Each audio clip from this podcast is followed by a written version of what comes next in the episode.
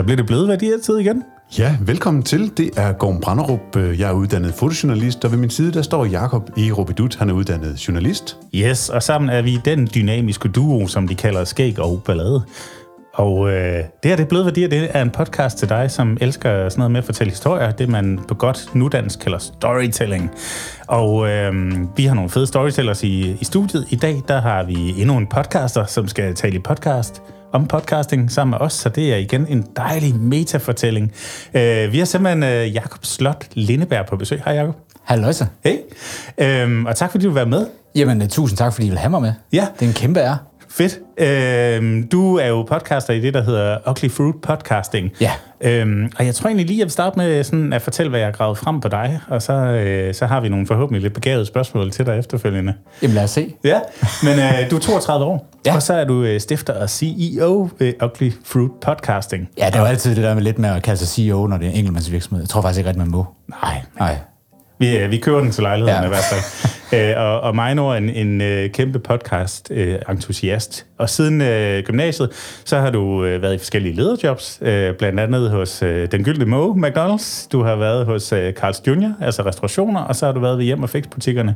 Øh, og har den her passion for ledelse, som gjorde, at øh, du i foråret 2019 startede din egen podcast om ledelse. Ledelse gennemtænkt. Ja. Mm.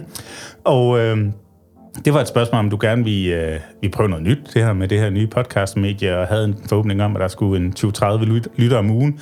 Øh, og så øh, stille og roligt, så, øh, så tog det fart, og, øh, og du fik øh, en stor skare lytter inden for ledelsesverdenen, og øh, prominente gæster i studiet, øh, Imran Rashid, Michael Kamper, Bastian Overgaard og Stine Bosse, nogle øh, rimelig vægtige navne inden for ledelse, og det øh, gav dig, øh, hvad, kan, hvad hedder sådan noget, blod på tanden. Ja. Øh, og ud af det, så, så opstod Ugly Fruit Podcasting. Og missionen med det, skriver du inde på din hjemmeside, det er at sprede den gode fortælling om podcasting, og så hjælpe andre i gang med deres egen podcast. Øh, og du har brugt en hulens masse timer på at studere, hvad podcast er, undersøgt det, virkelig nørdet, det her podcastområde, og, og den viden og erfaring, du har fået der, den bruger du så til at hjælpe virksomheder med at producere deres egen podcast. Øhm, og så er der jo det her med navnet, Ugly Fruit Podcasting. Ja. Øh, noget med, at du har siddet og søgt på funny fruit names på din computer. Ja. For det gør man jo, når man starter sin egen virksomhed. Ja, men åh, der var simpelthen så mange problemer med det navn. Og jeg kunne simpelthen. Jeg synes, øh, det skulle ikke være simpelt. Nej. Øhm, og det måtte gerne passe til sådan min lidt skæve personlighed. Og så synes jeg egentlig, at det, det, det var ret fedt, de andre, eksempelvis Pineapple Productions, øh, Anders ja. Breinholst, der synes, det lød ret fedt. Ja. Og Du har selv Så- rødt hår, så der er måske også øh, noget genkendelse. ja, altså, vi er jo, vi er jo homies. Ja. Ja. Det er alle rødhåret. Ja, altså, selvfølgelig. Det, ja. Men ja. altså, jamen, så sad jeg en dag og, øh, og, og googlede faktisk funny fruit names. Ja. For jeg tænkte, der må, der må være noget derude. Og så blev det til den her ugly fruit, som er en blanding af, nu skal jeg se, om jeg kan læse rigtigt her, appelsin, mandarin og grebfrugt. Mm. Og blev dyrket øh, på Jamaica tilbage fra 1914. Og er utrolig grim. Perfekt. Ja. Men, men smager den godt? Jeg ved det ikke. Ej. Jeg skal til Jamaica en dag på sådan en eller anden business trip, og finde ud af, om den egentlig smager godt. Og den, den er kendetegnet ved, at den har en uindbydende, rynket grøngul skal, og så sidder det omkring, sådan løs omkring det her orange citruskød, der er inde i. Øh, så, øh, altså lidt mindre end en grebfrugt, og med nogle færre kerner, og så læner den så på sådan en sød clementin, og, og, og har stadig lidt bitter grebfrugt over sig. Det er, det er sgu meget godt. Men det er måske en god beskrivelse af mig. Du er lidt mindre end en grebfrugt. ja. Perfekt. Øhm, yes, du udgiver selv forskellige podcasts. Der er blandt andet øh, den, der hedder Sagt mellem os, øh, hvor et panel af ledere diskuterer øh, ledelsesemner, som er indsendt af lytterne.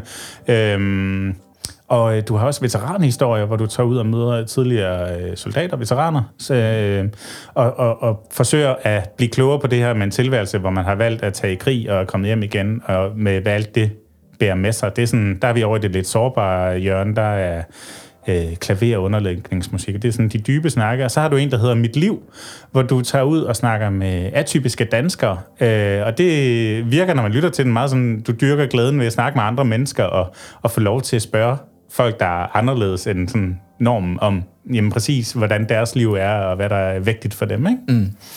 Øhm, og derudover så, øh, så øh, laver du jo podcast på fuld tid nu. Øh, Det er simpelthen dit, øh, dit, hele dit arbejdsliv, at du øh, hjælper især virksomheder med at, at skabe deres egen podcast? Ja, det er jo faktisk blevet virksomheder og kommuner og organisationer nu. Ja. Øh, så jeg skal egentlig lige have rettet lidt på min hjemmeside egentlig. Ja. Ja. er, det, er det også private, eller er det mest øh, det her corporate segment? Det er mest private, men øh, ja, det, det er mest øh, private. Jeg har en enkelt, øh, hvad hedder det, øh, kommune, Aalborg Kommune, som jeg, som jeg hjælper. Okay. Øh, og så er, hvad hedder det, øh, veterankort.dk, Ja. og nu også øh, Veterancenter, noget der hedder Udsendt af Danmark, de går med ind over og, Ja. og hjælper med at, at promovere Hvad, hvad, hvad, det, med, hvad med Kirsten, der sidder derhjemme og vil lave sin egen podcast om at strikke eller sådan noget? Er det også nogen, du hjælper? Nej, Det er det ikke. Nej, det er det ikke, nej. nej. Altså, jeg hjælper private virksomheder, okay. øhm, men min målgruppe har en vis størrelse. Okay. Øh, det skal være der, hvor, der, hvor I ved, ligesom, der er plads til at satse på podcastmediet. Altså, fordi der er, åh, der er så lidt målbart øh, omkring det, og det, Ja. er, um, det, det, det er måske ikke så dyrt at købe øh, udstyr eller, eller lege mig, og så prøve at udgive nogle, nogle episoder. Er lige så meget den tid, man ligesom ligger i det.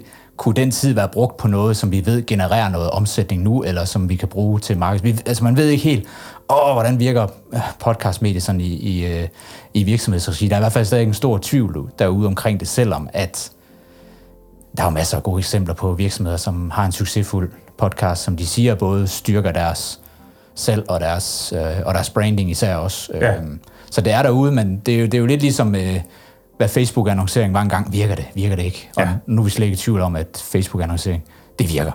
Og vi rammer også snart der en gang, hvor man siger podcastmediet, det virker. Fedt. Men det, vi, er, det, vi er ligesom der nu, hvor det ikke, vi ved det ikke helt nu det vender vi tilbage til. Øh, det sidste, jeg lige vil nævne, det er, at når man kommer ind på øh, Ugly Fruit Podcastings hjemmeside, så øh, har du sådan en fin video, der sådan deler øh, det, du gør, op i fire punkter. Øh, så du siger, at du hjælper med at udvikle koncept, du hjælper med at øh, tage ud og optage med din mobil setup, du laver redigeringen, og så hjælper du øh, med launch og markedsføringsplan. Og det er jo noget, altså det kan vi en til en genkende med det, vi laver i podcaster.dk. Så vi er, øh, vi er i sådan en kongolega-situation, ja. kan man sige, hvor du øh, dækker det nordlige Jylland, og vi er lidt længere nede og mere østpå, ikke? Jo, jo lige præcis. Ja, men, øh, men jeg kan godt lide den der beskrivelse med at dele det sådan hardcore op i de her fire punkter, øh, hvor man også husker, at podcasting er andet end bare optag og redigering. Der er også noget konceptudvikling til at begynde med, mm. og der er noget launch og markedsføring i slutningen, fordi ellers så kommer du ingen vegne med din podcast. Ja, og så forsøger jeg jo med den video at ramme dem, som så godt, så han har sådan en, åh, vi vil, vi vil rigtig gerne i gang. Øhm, jeg er ikke ude og sælge og, og fortælle virksomheder, hvad er det podcastmedie kan. Det kan godt være, at det er en del af det, men folk har som regel kontaktet mig, har en interesse på forhånd, så derfor synes jeg, det er fint med den video der, ligesom at beskrive, hvor, hvor overskueligt det kan være. Altså, det er ikke nemt at producere en god podcast, det er slet ikke det, jeg prøver at sige, men det behøver sikkert at være den her uoverskuelige proces, hvor man skal sætte øh, to uger af, øh, tre mand fuld tid, til at få produceret et, øh, til at få produceret et show.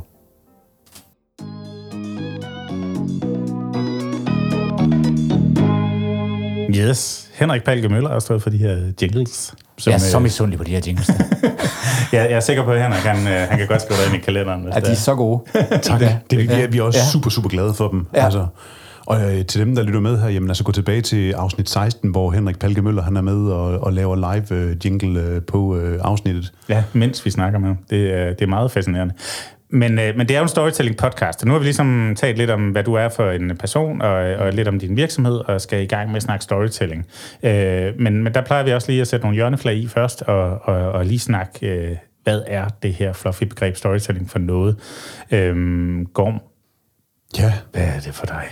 jamen øh, storytelling for mig er visuel, siger jeg her for et mikrofon, der går ind i ørerne på folk. Øhm, Du er fotograftype. Jeg er uddannet fotojournalist og, og, og skaber historier med mine billeder og prøver på at sammensætte dem så en måde, at, at, at, at de skaber lag, og de skaber dybde, og de fortæller en historie visuelt, som øh, man kan gå på opdagelse i, og man kan få følelser, altså indkapsle og fange følelser. Det kan du også med lyd, men, men det kan du især delsid også med, med, med at fange det rigtige billede og, og på det rigtige tidspunkt og være til stede på det og være i det og, og føle hele den her visuelle historie og for formidle den. Så for mig der er storytelling, det er, det, det, det, det, den, den er fortalt med, med billeder. Det kan være som film eller som stillbilleder. Og mm. øh, der elsker jeg også bare lyd, når vi nu er i det medie, og, og putte det på. Og det kan også puttes på øh, stillbilleder, men det kan bestemt også puttes på øh, film og, og lyden af ja, ambient lyd omkring en. Altså nu står vi i et rum, som er godt til podcasting, men, men en lille lyd af noget kunne også skabe en følelse, en historie i folk, og, og det er også spændende at lege med. Nu når vi snakker jingle-produktioner, Henrik Palke Møller, jamen, så skaber han jo også en stemning med, med de tanker, som vi har sat i hovedet på ham, og, og formidler dem, og de følelser, som vi gerne vil med, med bløde værdier her. Mm. Og hvad med dig, Jacob? Øh, det er jo sådan et, et noget øh, fluffy, flosset begreb, der storytelling. Hvad, hvad popper op i hovedet ved dig, når jeg siger storytelling?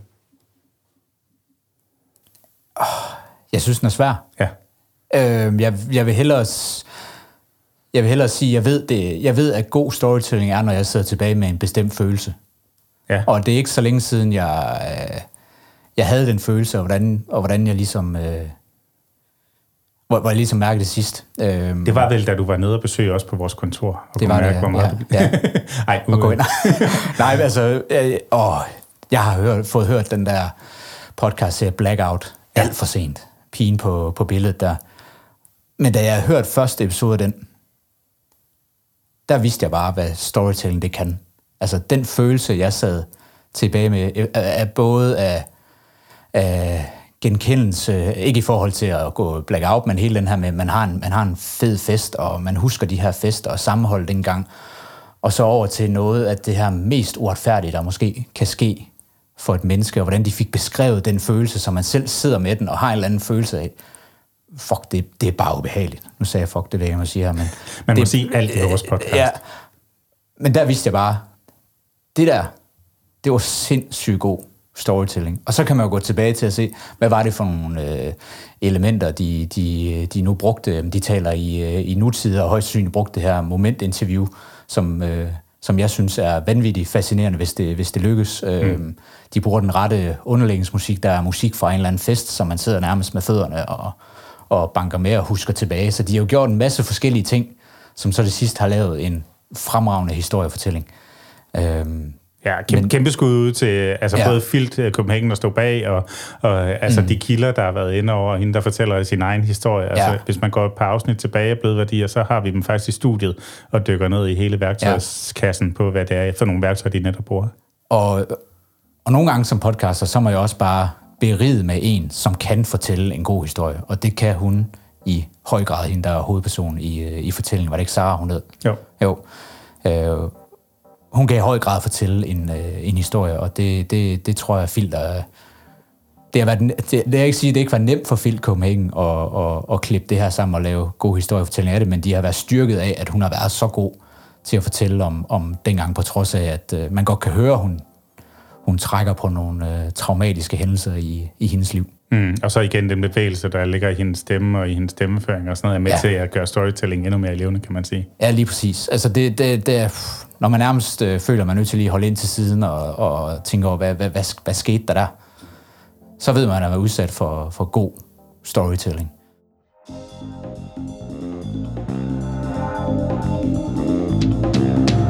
Alright, jamen så fik vi ligesom øh, hamret nogle hjørneflag i, eller sat bokseringen op, eller hvad skal vi sige. Nu skal det handle om storytelling her. Fordi at øh, jeg er lidt nysgerrig på, nu nævnte jeg lige, at du havde været ved McDonald's og Carl's Jr. og Hjem og Fix. Hvordan kan det være, at du går fra ledelsesjob i restaurationsbranchen og detailhandlen, til lige pludselig at kaste dig ud i at fortælle historier med podcast?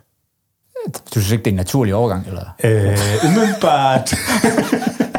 altså, nu skal man aldrig sige aldrig, nej. men nej.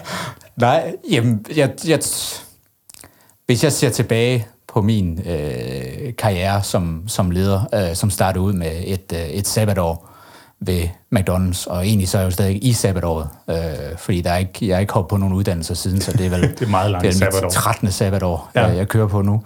Øh, men så, så der er ikke noget, der sådan har indikeret karrieremæssigt, at jeg var sådan interesseret i at fortælle historier. Jeg forsøgte at komme ind på Journalisthøjskolen, øh, der er engang nogen, der sagde, at hvis man ikke ved, hvad man skal, så søger man ind på Journalisthøjskolen. Jeg ved ikke, om det er, om det er rigtigt. Tjek. Ja. øhm, men det, det forsøgte jeg, og jeg kom ikke ind, og så øh, fik jeg det her sabbatår ved, øh, ved hvad hedder det, McDonald's, og begyndte at, at interessere mig rigtig, rigtig meget for ledelse. Men der var ikke noget, der indikerede, at jeg skulle 10 år senere, 12 år senere, leve af at fortælle historier gennem øh, hvad hedder det, podcastmedie. Men jeg tror altid, at jeg har været fascineret af, når nogen har været rigtig, rigtig gode til at fortælle historier, og hvad er det, måske dykke mere i, hvad, hvad, hvad, er det, de har, hvad er det, de har gjort. Øh, taget nogle enkelte film og virkelig nørdet dem i bund. Øh, Forrest Gump eksempelvis. Hvad, hvad er det, der gør, at vi føler den her kæmpe store sympati for den her person, og har lyst til, at han bare, han bare lykkes? Altså, hvad, prøv at nørde ned i, i de, alle de her forskellige øh, fortællinger. Øhm. Hvem, hvem har sådan været dine inspirationskilder, kan man sige? Altså, har du nogen inden for podcasting, der bare har fået dig til at tænke, det her, det må jeg sige mig også prøve? Ja, uden, og det er ikke sådan, at vi dykker ned i en eller anden øh, niche-podcast øh, nu fra det sydfranske. Øh, altså det har været det ligesom, ligesom, ja, det var ligesom alle andre øh, 30'er. Ja. Jeg tror, det var dem, der ligesom fik øjnene op for, hvordan kan man gøre det gennem lyd, altså lave en historiefortælling på, øh, på, på lyd. Øhm, men jeg tror også, de, de interesser, de, måske de evner, jeg har ikke tænkt det som, at jeg er en storyteller, men jeg tror, at at øh, de evner, jeg har, det kommer fra, hvordan man kommunikerer et budskab som leder, for mm. at medarbejderne køber sig ind på det. Så ledelse er også til en vis grad storytelling i din Ledelse er, er i høj grad storytelling, for du skal opbygge en historie omkring, hvorfor er det her tiltag nødvendigt, hvorfor er det, det er nødvendigt, at vi gør det på den måde her. Øh, der skal du ligesom have en rigtig, rigtig god historie omkring det. Så jeg tror altid, jeg har tænkt, eller jeg ved, jeg altid har tænkt i, jamen, hvad er det, øh, den der sidder og lytter med, den der skal øh, levere det her, eller, eller øh, ikke levere budskab, men på gulvet skal, skal sørge for, at den idé, vi har, bliver ført ud i livet. Mm. Jamen, hvad er det for et budskab, de skal have for, at de køber sig ind på det? Ja. Øh, så jeg tror, det kommer derfra, og jeg kan også godt føle, at, øh, at den røde tråd, der har været i, når jeg skal levere et budskab i ledelse, den har jeg ligesom taget med over i podcasting. Mm. Øh, men hvordan jeg ligesom kom på mediet, øh, det er sådan lidt mere under trist omstændighed. Jeg blev, jeg blev øh, skilt i 2018. Mm. Blev jeg skilt, og øh, der er man jo igennem virkelig sådan en eller anden eksistenskamp, øh, kamp, hvor man tænker over, er jeg der, hvor, hvor jeg er? Hvorfor, hvorfor gik det galt? Øh, hvorfor er den her kvinde, som jeg troede skulle leve resten af livet med, hvorfor, hvorfor er vi ikke sammen mere? Altså, hvad, hvor, hvor er det ligesom filmen den knækket? Ja. Og så fandt jeg ud af, at det, jeg lavede, altså jeg har en kæmpe interesse for ledelse og bedrive ledelse, men jeg var et sted i min karriere nu, hvor det foregik meget på gulvet og i driften, og der er ikke så meget lederskab der, så jeg, jeg fandt ud af, at jeg var ikke så passioneret omkring det, ja. jeg egentlig gik og, og lavede til, til daglig. Og så stødte jeg på podcastmediet, ja. øh, fordi man får jo pludselig en masse tid, når man bliver skilt jo. Øh, så der er ikke kun øh, børn hver anden uge? Ja, og, sådan noget. ja, og også øh, sjældent er det til, til at starte med, øh, fordi de var så små, så ja. vi, vi kom på en, en ordning, der ikke hed 7-7, men lidt mindre til mig, og så lidt mere til hende også. Og vi har alle rigtig gode venner, så jeg kunne bare komme på besøg, og, og så videre, mm. så videre. Øhm, så det var nok det, man kalde en, en, en god skilsmisse, hvis det findes. Men øh, det var ja. en af dem der, hvor man er skilles øh, som gode venner. Ja. Men ja, man kommer hjem, der er ingen børn. Hvad fint skal man lave? Og øh, jeg gider ikke, jeg, jeg gad ikke sætte mig ned og i fosterstilling. Man må godt tænke over, hvordan det er kommet hertil, og, og, og have nogle refleksioner omkring det. Men jeg skal ikke ligge på sofaen i fosterstilling og se Netflix og, og have det rigtig skidt med mig selv. Nej. Så jeg begyndte at nørde, øh, nørde øh, podcast med det. Jeg begyndte at lytte til nogle øh, podcast, blandt andet 30, så jeg kom rigtig sent ind i det. Det var mm. faktisk først i 2018. Altså, jeg havde hørt om 30, og nogen sagde, du, du skal prøve at høre den der med hende der kvinde, der har en tung kuffert. Ja. ja jamen, det kan jeg godt lige prøve at høre en gang. Og så var du bare hooked, eller hvad? Jamen, så begyndte jeg at lytte til nogle, til nogle ledelsespodcasts, og så fandt jeg ud af, hvad det egentlig kunne, og tænkte, at man kunne øh, consume viden på den måde, på lyd, på farten til og fra arbejde, og, og jeg kunne gå en tur og blive klogere på et eller andet, på et eller andet punkt. Og jeg tror måske, det er der rigtig mange starter. Men hvad, hvad motiverer så dig til at gå i gang med at lave podcast selv? Det var, fordi jeg synes, der manglede en podcast på mellemlederniveau. Ja. Og øh, tanken om at have som mit eget show, det var både det var skræmmende, det var også, det var også sjov. Øh, så jeg begyndte sådan, okay, hvis jeg skulle lave et eget show, hvordan skulle det så se ud? Så sådan fra idé til, at første episode blev udgivet, jeg tror, det var 31. marts 2019. Bare sådan ja, ja, ja. hvem tæller? ja. øh, jamen, der er, der er alligevel gået et halvt år, fordi det er jo, altså... Der er mange tanker, der, der, er mange tanker, vendes, der skulle vendes, ja, og, og nogen, der gider at lytte med. Alle de klassiske spørgsmål, som, som man har. Hvorfor, hvorfor altså impostersyndromet rammer også øh, der, sådan, hvor, hvorfor, hvorfor skulle du kunne levere ja. en god podcast? Men jeg ramte øh, den her niche, øh, og som du beskrev før, den, den blev rigtig vel taget imod, og det gav mig også mod på, at jeg godt kan producere gode shows. Øhm, og det gav mig også mod på at nørde mere ned i podcastmediet. Og især Gary Vee's øh, tanker omkring, øh, og i USA er de jo altid lidt foran, mm. øh, og det er de nok også øh, stadigvæk i forhold til, hvordan virksomheder og organisationer skal bruge øh, medier. Men hele den her tankegang, eller de her tanker omkring, at hver, enhver virksomhed bør betragte sig selv som et medie, synes mm. jeg var meget spændende.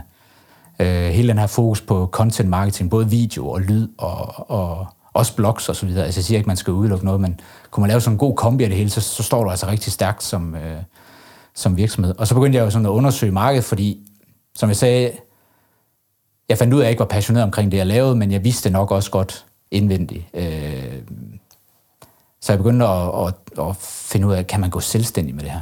Ja, fordi jeg tænker, så står du der, hvor mange andre podcaster står, man har egentlig et godt produkt, man er ude over rampen, man har mm. fået lært at lave den lækre lyd, og man har det fede content, men derfra er der bare stadig rigtig lang vej til at leve af det.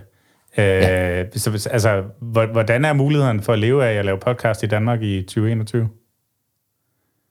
Jamen, der er to måder at gøre det på. Ja. Der er jo øh, den her, som, øh, øh, som mange gør med, at man starter en podcast, og så kan man være så heldig, at den får så mange lytter og så god opmærksomhed, at der er nogen som uh, Zetland og Next Story og alle dem der, der hopper på mm. og tjener penge. Ja. Uh, altså tjener man penge den vej igennem. Det er simpelthen sponsorerede samarbejder med dem. Ja, lige ja. præcis. Men jeg ser også bare så mange virksomheder, eller jeg møder så mange virksomheder derude, øh, og organisationer og kommuner, som ikke gider til at sætte sig ind i, hvordan laver man et godt show. Mm. Så den anden måde at tjene penge på, det er i høj grad at sige, hvis I skal have brug for hjælp til at have noget produceret, så kan jeg hjælpe med hele Molavitten. Og, og det er sådan den vej, jeg Fruit podcasting ja. til. Ja. Og sådan blev, den, øh, sådan blev den til. Og det lyder rigtig, rigtig nemt, men der gik også nærmest det her års, øh, års tid, hvor jeg gik med tanke omkring at starte det op. Ah, 10 måneder gik der. Men du får, undskyld, du får startet podcasten op, og, og, og hvor lang mm. tid kører den? Siger du, fra du starter den, til du så egentlig springer ud med, er det 10 måneder? Ja, 10 måneder, ja, hvor jeg også øh, gik med tanker omkring, at det her noget, man kan gå selvstændig med. Øh, fordi jeg var, jeg var også, igen, det, det her imposter øh, syndrom, der, der rammer, og man siger, hvorfor, hvem tror du lige, du er nu, at du øh, kan lægge dig ud med, med, med de etablerede podcastproducer og bare tro, du kommer ind for højre og så, og så få et plads på markedet.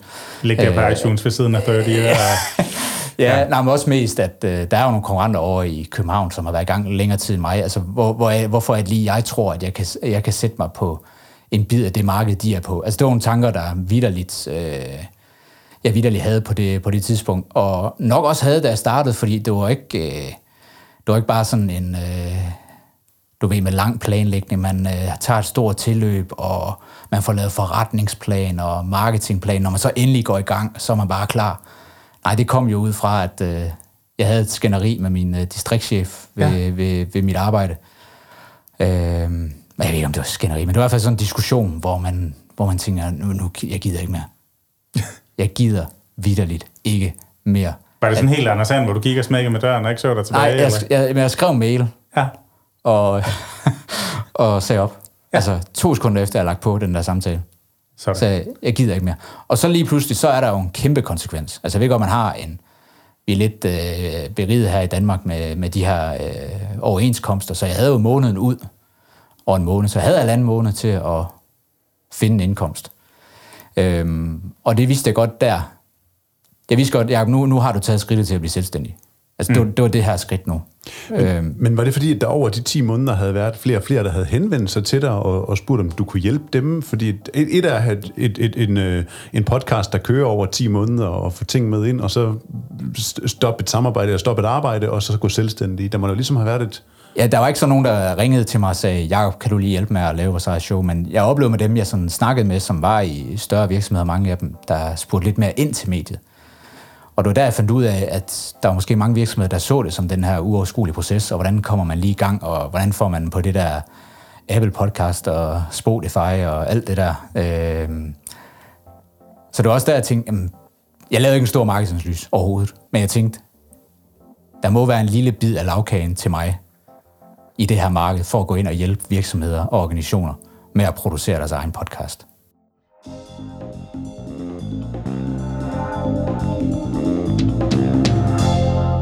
Okay, så nu er vi fremme til, at du har din egen virksomhed, du laver podcast for andre, øh, og, og jeg tror, at, øh, at øh, jeg kender godt den der fornemmelse af, at øh, man brænder enormt meget for noget, samtidig man, man er enormt bange for, om man nu kan leve op til det. Øh, nogen, nogen kalder det øh, stivpikker og myllerbæg. Og, ja. men, men altså, jeg kunne godt tænke mig at, at komme hen i den situation. Hvem er de nogen? det, det, det er nogle nede frontløberne, har jeg hørt. De er sådan lidt quirky. Jeg tror ikke, det er noget, man bruger så meget på ledelsesgangene. Ja. Det ved jeg ikke, op i Aalborg, hvor du kommer fra. Men når det var tidspunkt, jeg kunne godt tænke mig at lige komme ud i situationen første gang, du er afsted, og nogen betaler dig penge for, at du skal lave en podcast for dem. Ja. Øh, kan du ikke prøve at tage os med på den, på, på den tur? Hvordan havde du det, og hvad skete der? Altså? Jo, jeg var i første omgang meget, meget overrasket over, at jeg der i foråret fik en kunde. Fordi øh, som bekendt, 10 måneder efter 2019-ish, mm. og så lige plus et par måneder, der skete der jo et eller andet, der kom en eller anden virus til Danmark, og ja. ja. lukkede landet ned og sådan noget. Ja, sådan en lille bakke til. Præcis. Øhm, men det, det, det tænker jeg, øh, jeg tænkte i starten, det, det var da forfærdeligt at starte op i det her. Men nu havde jeg taget beslutningen, jeg kunne, bare, jeg kunne overhovedet ikke gå tilbage til Selling Group, og på det tidspunkt, som det var, at sige, jeg vil gerne tilbage. Nej. Øh, altså, der var no way out. Øhm, så er der først, lige for at, afmystificere, hvor fanden har du så fået en indkomst fra, så var jeg, jeg var ude og finde et deltidsarbejde, ja. som betalte en del af de faste indkomst, øh, eller de faste udgifter til at, til at starte med. Og så fik jeg den her første kunde, fordi jeg pitchede det til et øh, netværksmøde, hvad et podcastmedie kan. Så kom hun ned til mig og sagde, hey, det har jeg overvejet det der. Mm. Øh, skal vi ikke lave noget sammen? Og så var fedt. Fedt, fedt, fedt, fedt, fedt. Jeg havde en kunde, som, øh, som øh, min første betalte kunde. Altså, jeg ved ikke, om I kan huske den første gang, man sendte en faktura ud. Åh, oh, det er magisk. Det er altid dejligt. Oh, altid dejligt, hver eneste gang. ja, ja, ja, ja, men i den første. Altså, det er ligesom samleje. Det er, nej. øhm, Vi kom hurtigt ja. på under bæltestedet. Ja. Det er perfekt. Nej, så... Øhm, så gik vi jo i gang, og øh, jeg hjalp hende med, hvad hedder det, øh, konceptudvikling. Hvad, hvad, er det, hvad er det, du egentlig gerne vil fortælle med den her øh, podcast? Jamen, det var en avisartikel, eller det var en artikel, hun har skrevet til flere forskellige medier, som hun godt kunne tænke sig at lave en, øh, en uddybning af. Mm. Okay, men super god øh, hvad hedder det, udgangspunkt, at man ligesom har noget content, man ligesom kan genbruge i podcast med. Det anbefaler jeg også altid, altså genbrug så meget det overhovedet kan lade sig gøre. Altså, mm Øh, så synes jeg, det lyder som en øh, rigtig, rigtig god idé. Og så satte vi også ned, og øh, jeg hjalp hende jo meget med, ikke så meget målgruppe, det har hun rigtig øh, fin styr på, hvem er det, der skal, der skal, der skal lytte til den her podcast. Øh, men mere omkring, hvordan holder vi på lytterne? Mm. Altså, hvordan får vi dem til at lytte? Fordi det blev til en serie af fem episoder. Hvordan sørger vi for, at når de har lyttet til episode 1, så lytter de også til episode 2, og så videre, og så videre, op til episode mm. 5. Ja. Og det var med at, at, at, at bruge de klassiske begreb inden for, inden for storytelling. Der er en konflikt, og så skal den her konflikt gerne løses i, øh, i den her episode, og så med jamen lyt med til sidste episoden, så får du sådan her, sådan her, sådan her. Altså, så helt klassisk uh, aktantmodel, er det ikke det, man kalder jo, den, ikke? Jo, ja, ja helt, helt klassisk, og det, det har, det har, øh, men det har virket. Ja. Øhm, der er en grund til, at den ikke er gået ja. af mode nu, ikke? Altså. Jo, jo, lige, lige præcis. Og jeg, jeg forsøger virkelig, både med hende, men også med de virksomheder, jeg arbejder sammen med nu, at gøre storytelling til noget simpelt. Ja. Altså, hvordan kan du med simple metoder bruge det her? Fordi de er ikke uddannet eller har en interesse i storytelling, så det er jo ligesom med at få det simplificeret så godt, man overhovedet kan. Hvad er det for nogle enkelte begreber, du kan bruge i den her podcast, for at holde på lytterne. Ja, men nu er vi derude, Jacob, og øh, du har tændt din recorder, og du er enormt øh, op i det hoved, der kører der tusind tanker om kablerne sidder ordentligt i, og er det de rigtige mikrofoner, du har valgt, og mm. øh, hvordan lyder optagelsen, når du kommer hjem og sådan. Hvad, hvordan havde du det i situationen, når du sad og optog, for, optog første gang? Bare ikke fucket op. Ja. ja. altså, jeg var også fyret ind som, jeg var også fyret ind som vært på den her podcast, øh, og skulle ligesom øh, stille hende de spørgsmål, som gjorde, hun ligesom kunne fortælle øh, videre. Der er jo, jeg, jeg er ikke noget mod øh, podcast for folk, øh, eller podcast sidder alene, men jeg synes, den her dynamik mellem to personer, den kan noget, og jeg følte, vi havde en god kemi, så det virkede naturligt, at, og hun var også meget enig, at jeg trådte ind som, øh, som vært, og ligesom mm. supplerede hende med nogle, øh, med nogle, med nogle spørgsmål. Men jeg var, jeg var godt nok bange for, om øh, det slutprodukt, jeg leverede, mm. om, om det overhovedet lød bedre, end hvad en hobbypodcaster, der, der starter sin egen podcast fra scratch, øh, om det lød bedre end det. Øh, Hvordan havde du forberedt dig? Altså, hvad, hvad er sådan det vigtigste at have med sig, når man tager ud og laver en podcast? Det er meget individuelt, synes jeg faktisk. Øhm, fordi hende hun havde jo hun havde jo øh, stort set øh, konceptet med. Jeg skulle bare hjælpe lidt med, med hvad hedder det, storytelling. Men det, det er altid lige at gå ind og, især finde ud af, hvordan kan man gøre den her person rolig bag en mikrofon, og ligesom tale frit fra, fra leverne af, fordi det må heller ikke blive et skræddersyet manuskript, hvor man sidder mm. og, og, og læser op fra. Der må godt være lidt, lidt hjerte og lidt grin og lidt ærlighed og lidt øh, ups og lidt ø og, og, og så videre, så videre. Alt det der, der, der ligesom også fortæller en masse om, om personen, der er, der er bag mikrofonen. Altså, Men hvordan gjorde du så det? Altså, hvordan fik du afmonteret den nervøsitet, som jo tit er med, når man laver sådan noget? I det her tilfælde, der optog vi en dummy ja. til hver episode. Så vi vi optog noget, og så sagde vi, den smider vi ud, og så optog vi igen. Men det var også i høj grad en samtale om, hvordan kan du, jo, du har det her manuskript, hvordan kan du gøre det til et manuskript, du stadigvæk kan læne dig trygt op af, ja. men hvor vi taler i talesprog. Ja, ja, ja. Og det blev i høj grad noget med, hvor hun sad og, og forberedte sig rigtig meget. Hun er en af dem, der, der havde brug for at forberede sig rigtig meget. Og så satte hun jo ind, jamen her skal jeg lidt, lidt, lidt, lidt tryk her, og øh, her skal jeg holde nogle, nogle pauser, måske en tre sekunders kunstpause, fordi der kommer en vigtig pointe. Mm. Øh, og så først derefter skal jeg lige gå videre til, til noget andet, så den her pointe lige kan nå og, og, og suge sig ind. Så det var meget at hjælpe hende med, med, hvad hedder det, den del. Og så er der nogen, der bare møder op til mikrofonen eksempelvis, og begynder at tale, og har et naturligt talent inden, inden, for, inden for det. Men lige i det her tilfælde, der var det en øh, kunde, der skulle, der skulle klædes på. Er det, så, man kan sige det, er, det, er det en standardmåde at løse det på for, for Ugly Fruit uh, podcasting, eller, eller hvordan er kunderejsen sådan for, generelt hos, hos dig? Jamen kunderejsen generelt, jamen det er jo, at øh, jeg laver ikke noget opsøgende selv faktisk. Nej. Øh, så de ringer til mig og har et, øh, et øh, muligt koncept. Ja. Og så hjælper jeg dem med, med konceptet. Øh, ofte så er det jo masse flyvske tanker, der, der sidder heroppe, og vi vil det, og vi vil det, og vi vil det, og vi vil det. Og så er det bare, at jeg stiller alle de her trælse spørgsmål. Hvad, hvad er det, I vil med podcasten? Og hvorfor vil I podcaste? Og hvis det er sådan, at de svarer, fordi alle har en, jamen så ved man, ah, det er måske ikke det rette udgangspunkt. Mm. Øh, så kan det også være spørgsmål som, øh, hvilke 10 øh, emner kunne de første 10, eller, kunne, eller hvad, hvad hedder det, hvilke 10 emner kunne være i de 10 første episoder, mm. så man ligesom har et overblik over, hvad er det, man kan tale om. Det er jo også oftest det, man... Øh, jeg møder i hvert fald, at øh, jamen, hvad skal vi snakke om? Øh, kan mm. vi overhovedet snakke om noget? Og når man lige får sat det der op, så får de sådan helt fornyet energi, sådan, wow, okay, ja. vi har faktisk det 10 episoder her, og øh, der er faktisk god bid på, der er gods på dem alle sammen, altså det, det bliver sgu, det bliver skide gode episoder.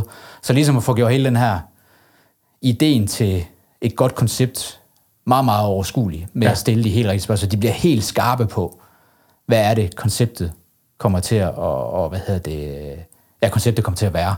Mm. Og jeg synes jo også, ligesom jeg sagde med storytelling før, med keep it uh, simple i hvert fald, til nogen, der ikke arbejder med det til, til, til daglig, sådan i, i podcast-regi uh, i hvert fald, mm. jamen så hold også konceptet simpelt, så du ikke føler, at det er en kæmpe byrde for dig som virksomhed at få produceret det her show. Især hvis du synes, at det her det skal være en ongoing proces med en episode hver måned, hver uge, eller hvad det nu kan være. Gør det simpelt, og optage i et simpelt koncept, som er så skarpt, at øh, lytterne gerne vil, øh, vil, vil have mere af det, mm. øh, og som byder på rigtig meget. Du kan også udvikle lidt på, på, på hvad hedder det, konceptet, øh, men stadigvæk holde det så simpelt, så det ikke er en kæmpe byrde for dig i en allerede travl hverdag, mm. og skal optage podcast. Ja. Og en måde, man kunne gøre det simplere og overskueligt på, jamen det var jo i løbet af en dag, og man har episoder på en halv time, jamen så kunne man faktisk godt optage 3 til fem episoder på en dag. Ja. Og når man sidder sådan og har optaget, så, man, oh, så er vi jo content til 3 til fem måneder nu, som vi kan udgive. Ja, ja. Mm. Det er vildt lækkert. Øh, de, de virksomheder, du så, øh, som, som er din, din, din målgruppe, hvis, altså, hvor, hvorfor skal virksomheder kommunikere via podcast? Kan du prøve at sætte lidt ord på det? Ja, det kan Jamen altså, det skal de, fordi at den tid, man har lytterne, det er helt exceptionelt i, øh, i, i podcast, øh, i hvert fald i podcast med i forhold til branded videoer på, på, på Facebook eller nyhedsbreve, øh, YouTube-videoer. Mm. Øh, der er lyttetiden, den gennemsnitlige lyttetid, helt ekstremt lang. Og det er jo fordi, at du kan jo tilbringe den her kvalitetstid med dine øh, lyttere, følgere og kunder, hvad det nu kan være, etablere nye og vedligeholde relationer. Mm. Øh, fordi du har dem i så lang tid i øret, fordi de kan lytte til det til at fra arbejde, de kan lytte til det på en gåtur, de kan lytte til det i, øh, i, i frokostpausen. Så man kan virkelig tilbringe den her kvalitetstid. Der er ikke andet støj, når man er ude at gå. Øh, der er ikke andet støj, øh, medmindre du har bilradioen tændt også, mens du lytter til podcast i, i Airpods, eller hvad det nu kan være. Mm. Der er ikke andet, der, der ligesom forstyrrer dig. Og det er det jo ofte med, når vi sidder og scroller op og ned af, af Facebook. Altså, vi bliver bombarderet med annoncer, vi bliver bombarderet med post, og vi bliver bombarderet med folk, der har, lø- der har en eller anden holdning, de, de gerne vil ud med. Ja, ja. Men, men virksomheden, når du så har dem som, som kunder, øh, og I snakker målgruppe, og dem, deres målgruppe for den her podcast, er det så intern, eller er det ekstern, og hvordan sondrer du og får dem til ligesom at, at se det som et, et værktøj for dem? Jamen, jeg, jeg, jeg har kun hvad hedder det, lavet ekstern podcast uh, so far. Jeg har en stor kærlighed og en stor tiltro til, at intern podcast bliver rigtig, rigtig stort en gang. Uh, der er lige nogle ting, der skal løses i, i, i, i forhold til det, uh, for at det kan blive uh, rigtig, rigtig stort og nemt at, uh, at lykkes med en intern podcast. Men virksomheder er i høj grad kloge på, hvem er deres målgruppe, og de ved i højere grad end mig, hvad er det, deres målgruppe gerne vil have, mm. og hvad er det for noget værdi, vi skal tilbyde dem. Så den del kan de egentlig godt spore sig selv ind på. Jeg skal måske bare hjælpe dem til at blive klogere på, hvordan skal de have serveret, hvordan har I normalt serveret den her øh, øh, værdi for, for, jeres, øh, for jeres målgruppe.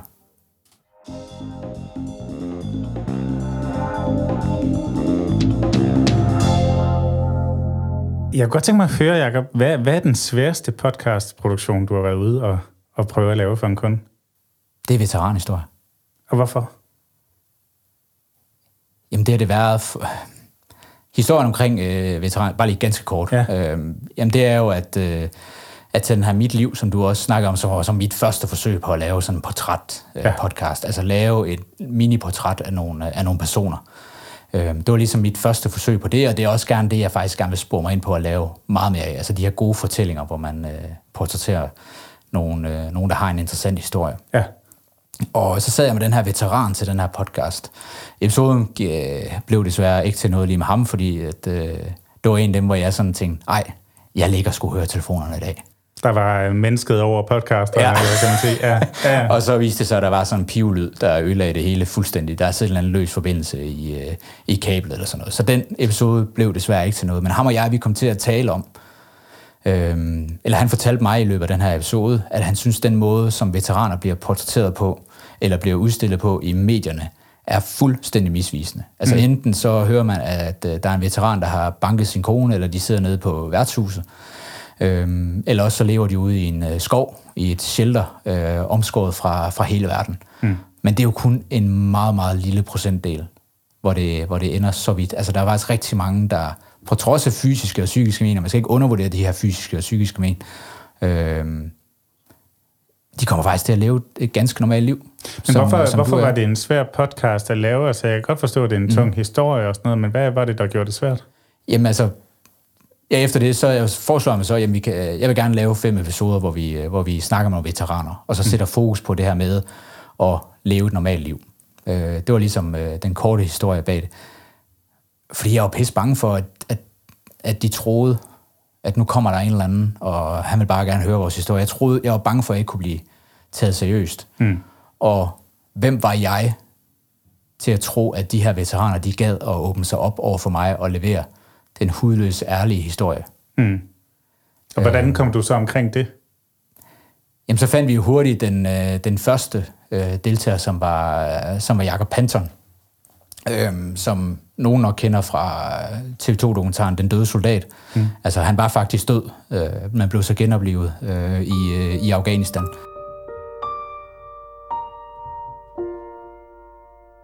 Jeg sad på øh, genoptræningscykel øh, på, øh, på Rigshospitalet, og, øh, og så kan jeg lige pludselig høre i, øh, i øh, radioen, at øh, øh, der er nogen, der fortæller om øh, min historie. Altså det, det lyder som en historie, jeg i hvert fald kender. Og øh, så tænker jeg, at det går nok pokker, så den historie laver i radioen nu. Og lige efter de er, er færdige med at tale, øh, og det der blandt andet bliver sagt, det er, øh, hvorfor er det en amerikansk general, der skal hedre en dansk soldat, og ikke en dansk general. Det var fordi historien kørte i USA på det tidspunkt. Men øh, da, da, øh, da radioen er færdig, så, øh, så begynder min telefon at ringe, og den ringer rigtig meget. Øh, og det er journalister, der vil have fat i mig. Og den første journalist, jeg taler med, der spørger jeg ham, hvad, hvad vil du egentlig med den historie? Og så siger han til mig, men det er jo en fed historie. Og så, så bliver jeg bare helt... Øh, altså det er ligesom om, jeg mistede helt pusen, og så lagde jeg på. Jeg sagde ikke noget til ham, jeg lagde bare på. Og så øh, tog jeg ikke telefonen mere. Øh, og nægtede faktisk at tale med nogen som helst øh, journalister. Fordi det, det der med, at der skulle være en, der for det første ikke kender mig, eller ved, hvad jeg har været igennem, der skal fortælle mig, at det er en fed historie. Det, det blev jeg simpelthen så, så harm over. Altså jeg følte at jeg havde mistet mit, mit liv. Jeg, jeg kunne ikke længere være kampvognskommandør, som var det, jeg levede og åndede for. Jeg kunne, ikke, øh, jeg kunne ikke blive udsendt længere. Øh, jeg var blevet et andet menneske. Og ham fik vi, ham fik vi med ind. Øhm, og så kørte jeg ned til Køge øh, fra Aalborg for, for at snakke med ham. En rigtig, rigtig lang tur, hvor man kan nå at være sindssygt bekymret for, hvad bliver outputtet af den her episode. Mm. Og øh, jeg havde snakket med, med Jacob på forhånd, og virkede super flink, og han sagde, ja, du skal bare spørge, og du skal bare, hvad hedder det, øh, jeg skal nok svare ærligt, og, og så videre, så videre. Så den del, selvom han havde forsøgt at trøste mig med den del, så var jeg alligevel sindssygt, hvad er det for et output, der kommer ud af det her. Og så sætter vi os ned og, hvad hedder det, og, og optager. Min tilgang til det har været, at jeg har en rød tråd med. Øh, du har fortalt mig det her, det synes jeg, øh, før vi snakker, det synes jeg kunne være interessant at, at, at komme ind på. Øh, og podcasten bliver ligesom delt op i, før du var soldat, da du var soldat, og efter du var soldat. Mm. Øh, det er ligesom sådan den meget, meget simple opbygning af, af, af podcasten. Men jeg har også givet plads til, at vi kunne komme ud af nogle, øh, ud af nogle øh, tangenter. Øh, og også plads til, at jeg kunne spørge ind til nogle spe- øh, specifikke følelser. Mm. Fordi det, det, hvis du skal lave sådan en podcast i mine øjne, så er du nødt til at lægge manus fra dig. Du kan godt have den her røde tråd at vide, hvor er det, vi skal hen ad. Men hvis du ikke lytter, og du ikke ser personen i øjnene, så tror jeg heller ikke, du får de helt ærlige svar, fordi og de skal også føle, at du sidder og lytter, at du ikke sidder og har en eller anden agenda på, på forhånd, og det er jo også det, de har, mange af dem har oplevet, at medierne har en agenda på, på forhånd. Ja, den historie, øh, den er ja, vinklet efter ja, en eller anden den er, ja. den er vinklet på forhånd. Så det ligesom også var plads til, at vi ligesom kunne køre ud af, jeg ved ikke, hvad man køre ud af en tangent, er det, er det forkert, men der er i hvert fald plads til, at jeg kunne spørge ind til nogle, øh, til nogle specifikke følelser, og det kom blandt andet til udtryk, da, da, da Jacob fortalte, at de skulle skrive det her afskedsbrev mm. øh, på forhånd, før de tager afsted, så skriver de et afskedsbrev til deres familie, ja. hvis det værste nu sker. Mm. Og det tænkte jeg, det bliver simpelthen nødt til at spørge mere ind til. Og det tror jeg ikke, jeg havde fanget, hvis jeg havde siddet og været fuldstændig optaget af mit, af mit manus og min vinkel. Men det kom der bare et rigtig, rigtig stærkt øjeblik ud af, fordi at han begyndte at fortælle om, hvad han skrev i, sit, øh, i brevet til sin datter, hvor han fortalte, at det, det var noget af det sværeste i hele verden at sidde og skrive. Mm. Og det er jo de øjeblikke, i, øh, jeg bilder mig selv ind, ikke bare i veteranhistorie, men også i andre podcast, det er dem, der bliver husket, hvor mm. det man ligesom, altså det er det, der er kunsten i, i, i det hele ligger, det, det der, det gør, at folk husker tilbage på den her specifikke podcast, jamen det er de her meget, meget stærke og ærlige fortællinger. Øhm, og vel også storytelling sådan helt kondenseret et eller andet sted, ikke? Altså, jo, der, og det, det er, der er, virkelig sim- noget på spil her, ikke? Ja, og det er jo et simpelt uh, spørgsmål, jeg stiller. Altså, det var bare, hvordan var det at skrive de breve? Mm. Det var det eneste spørgsmål, jeg, jeg, ligesom, jeg ligesom havde til det. Men det var ikke noget, der stod i mit manuskript. Det var ligesom noget, jeg var nødt til at fange ud fra. Okay, der er noget i øjnene nu, der, der, der, der, der sidder ved, ved, ved Jacob. Øh, der er et eller andet her, der rører ham dybt. Det bliver simpelthen nødt til at spørge mere ind til. Ja.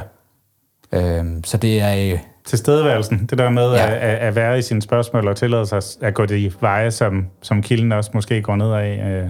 Ja, lige præcis. Ja. Øhm, Og nu spurgte du ind til, hvor, øh, hvorfor det var den, den sværeste op til. Fordi jeg synes virkelig, det er en svær disciplin. Det er ikke bare noget, man, man øh, lige gør, fanger de her, de her øjeblikke. Altså, det, det, det er noget, man virkelig skal sidde og lytte intensivt, kigge på kropssprog, kropssprog. Hvad er det, der sker undervejs, og, og reagere? Er der et eller andet her, der, der stikker dybere end den fortælling, han er lige ved at fortælle nu? Øhm, og det var det, jeg var rigtig, rigtig bange for, at jeg ikke kunne. Jeg havde en fornemmelse af, at det var det, jeg gerne ville, men jeg var rigtig, rigtig bange for, at det, det kunne jeg simpelthen ikke levere.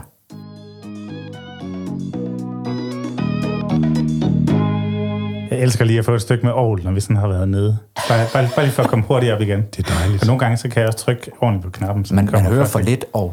Ja, det er det. Ja. Vi, øh, Det er der vi mange, der siger. Vi er lidt på en mission om at bringe Ja. ja. tilbage, ikke? Bringing organ back. Ja.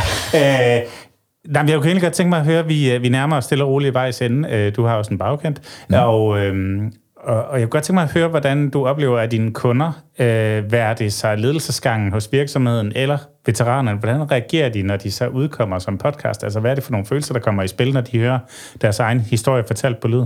Altså hvis det er sådan en personlig fortælling, som det er i øh, veteranhistorie, så er det forbundet med meget nerv- nervøsitet. Mm. Øh, også en glæde over at have, at have fortalt en, øh, en historie, men de fortæller faktisk mig mere, end hvad de har fortalt til deres nærmeste. Altså det er helt vildt. Mm. Altså jeg fik lige, øh, der var en kone til den seneste episode af, af Veteranhistorie, som har skrevet på LinkedIn, at, at hun, har fået ud, noget, fundet ud af noget nyt omkring sin mand.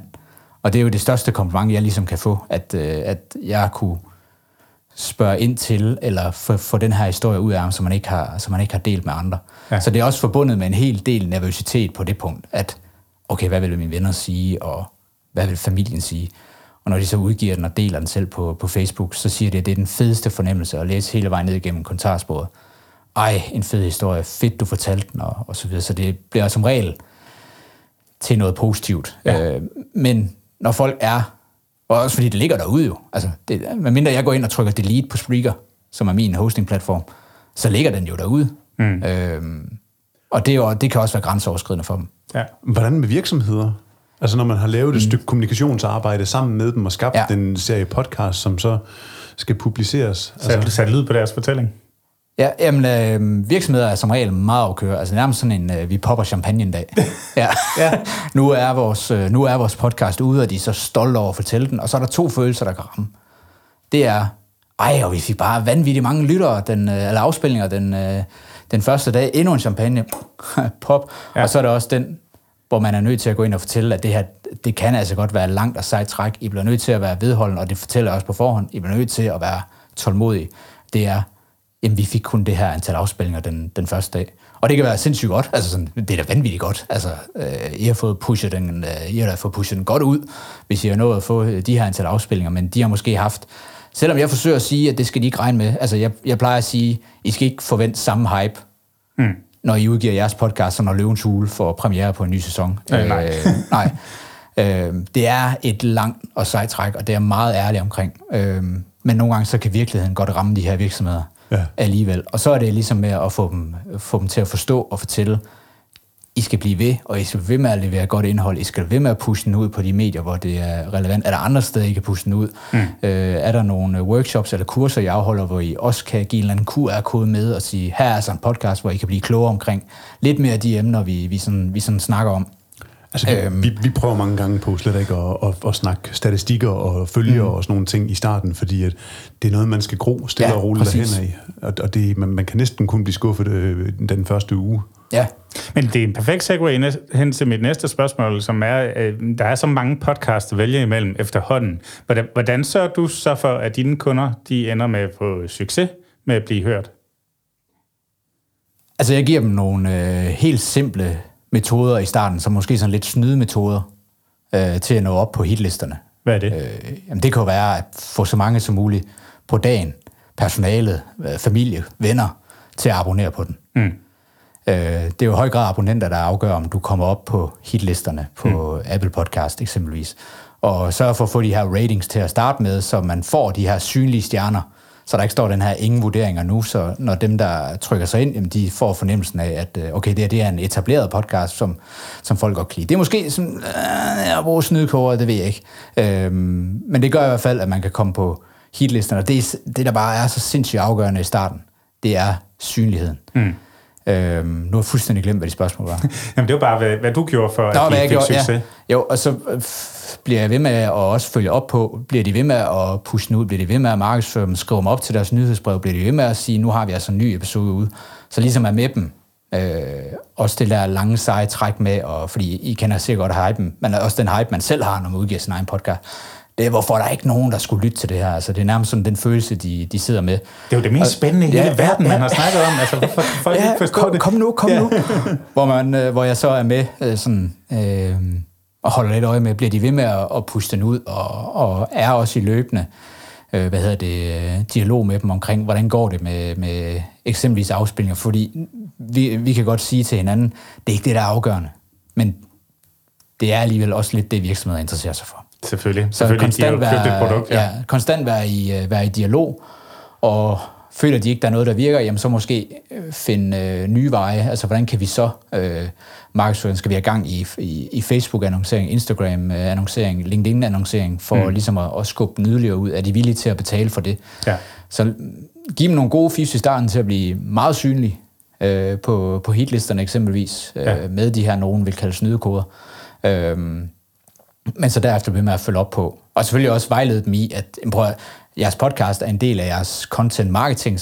Den kan, den, den kan ikke stå alene, så I er nødt til at bruge de andre kanaler, I har, ja. til at, at få folk ind på, ja. på. Så om de bruger alle de kanaler, de så har til at, at markedsføre podcasten. Så det er sådan en løbende dialog øh, hele tiden. Af alle de podcasts, som Jacob han nævnte i starten, du startede med at producere, hvor mange af dem er du, altså, bruger du stadigvæk, og bruger du dem så som, som content marketing selv?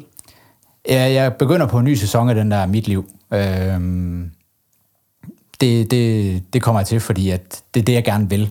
Og hvis jeg skal holde det her med at og, og ligesom portrættere spændende mennesker, så er det en god måde at holde det ved lige på, fordi det er ikke givet, at jeg de næste par år får andre jobs, som eksempelvis veteranhistorie, som jeg gerne vil have, have, have mange flere af, hvis det, hvis det stod til mig. Mm. Så den del vil jeg gerne ved med at altså, producere flere af, af den podcast for at vise, at, øh, at jeg godt kan det her. Øh, Hvor ser vi Ugly Fruit hen om, lad os sige, bare tre år? Om tre år? Ja. Øhm, så håber jeg der, hvor jeg stadigvæk også laver business podcast, for jeg har stadig en kæmpe passion for ledelse og salg og personlig udvikling, og, og det får jeg i høj grad tilfredsstillet ved en af mine kunder, lige præcis øh, det gen. Øhm, men jeg håber, at jeg ellers udelukkende lever af at fortælle øh, vigtige historier. Om det er så vigtige historier inden for grøn omstilling, eller om det er at, at lave en... Altså, jeg er jo kæmpe fan af det sidste ord med Michael Bertelsen, at der kunne udgivet et, øh, et, et afsnit, så vidt jeg ved, med Ben Fabricius Bjerre, men mm. der er jo optaget de her mange episoder, øh, eller mange afsnit, som når en af dem dør, så bliver den jo så øh, udgivet. Ja, man kan jo gå tilbage og lige og lytte vores interview med Michael Bertelsen. Og I har, I har haft ham med, ja. om det øhm, sidste ord. Ja. Yes.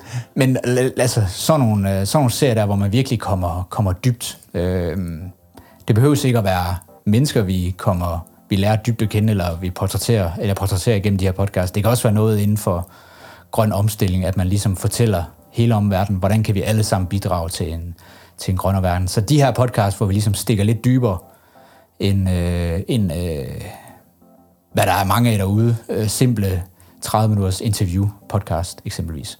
Ja. Øhm, der vil jeg meget gerne i dybden med nogle, med nogle emner eller nogle personer. Super.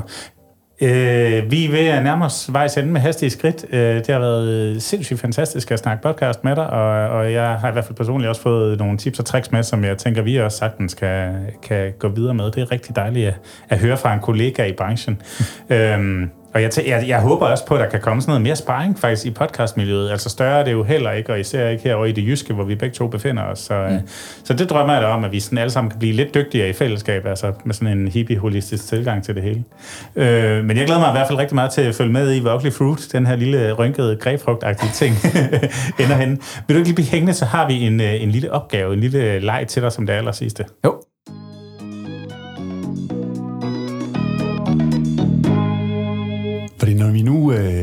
Ja, vi kalder den elevatortalen, Men øh, jeg tænker, i dag der er vi til øh, sådan lige 30 sekunder. Hvem er du, og hvad er Oakley Ugly Fruit podcasting?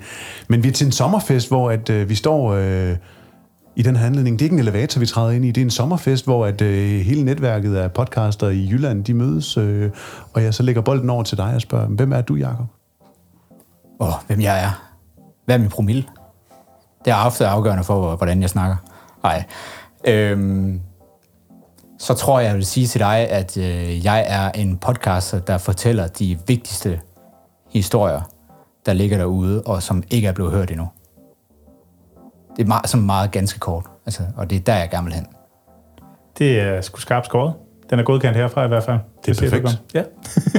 Tusind tak, fordi du øh, havde tid til at være med. Det var en fornøjelse. Selv tak.